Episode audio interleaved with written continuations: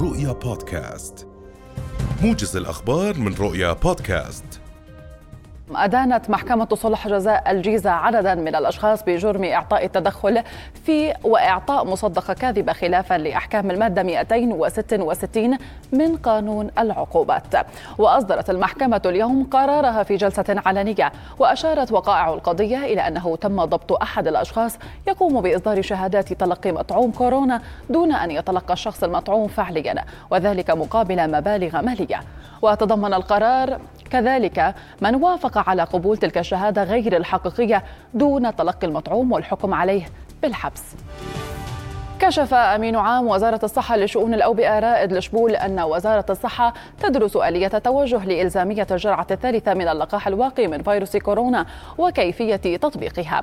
وقال لشبول في تصريحات لرؤية إنه دون الجرعة الثالثة من اللقاح لن تكون الحماية كما يجب مضيفا أنه سيتم التركيز على الجرعة الثالثة من أجل الوقاية من متحور أوميكرون. قال رئيس اللجنة القانونية النيابية عبد المنعم العودات إن التعديلات الدستورية المقترحة مهمة للوصول إلى برلمان العمل الجماعي. من جانبه أكد رئيس مجلس الأمناء للمركز الوطني لحقوق الإنسان إرحيل الغرايب خلال اجتماع اللجنة لمناقشة التعديلات الدستورية أنه كلما تم الاقتراب من جوهر الديمقراطية تحقق الأفضل لحقوق الإنسان. بلغ عدد المشتركين بالمؤسسة العامة للضمان الاجتماعي الفعالين حاليا على راتب الحد الأدنى للأجور المعتمد نحو 152 ألف مشترك. وتشكل هذه الفئة العاملة لدى منشآت داخل المملكة على راتب الحد الأدنى للأجور المعتمد حاليا والبالغ 260 دينارا ما نسبته 11% تقريبا من العاملين الأردنيين المؤمن عليهم للمشتركين بالضمان.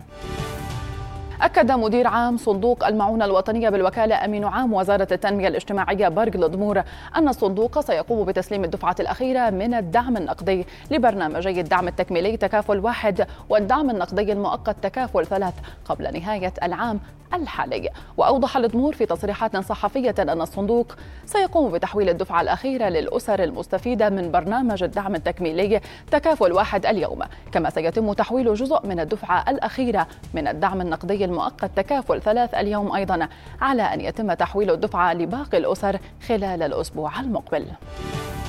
قالت وزارة المياه والري أن كميات المياه التي خزنتها السدود من المنخفض الجوي الأخير بلغت نحو سبعة ملايين متر مكعب من الأمطار وجريان الأودية حتى صباح اليوم في السدود الرئيسية.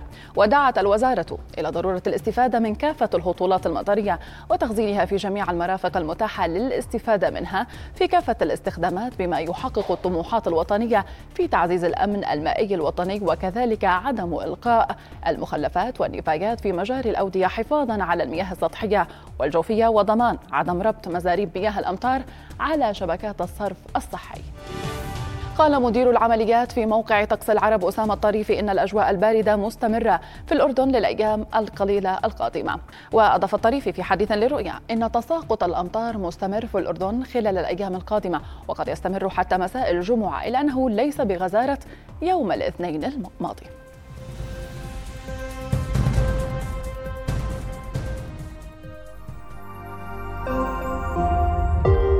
رؤيا بودكاست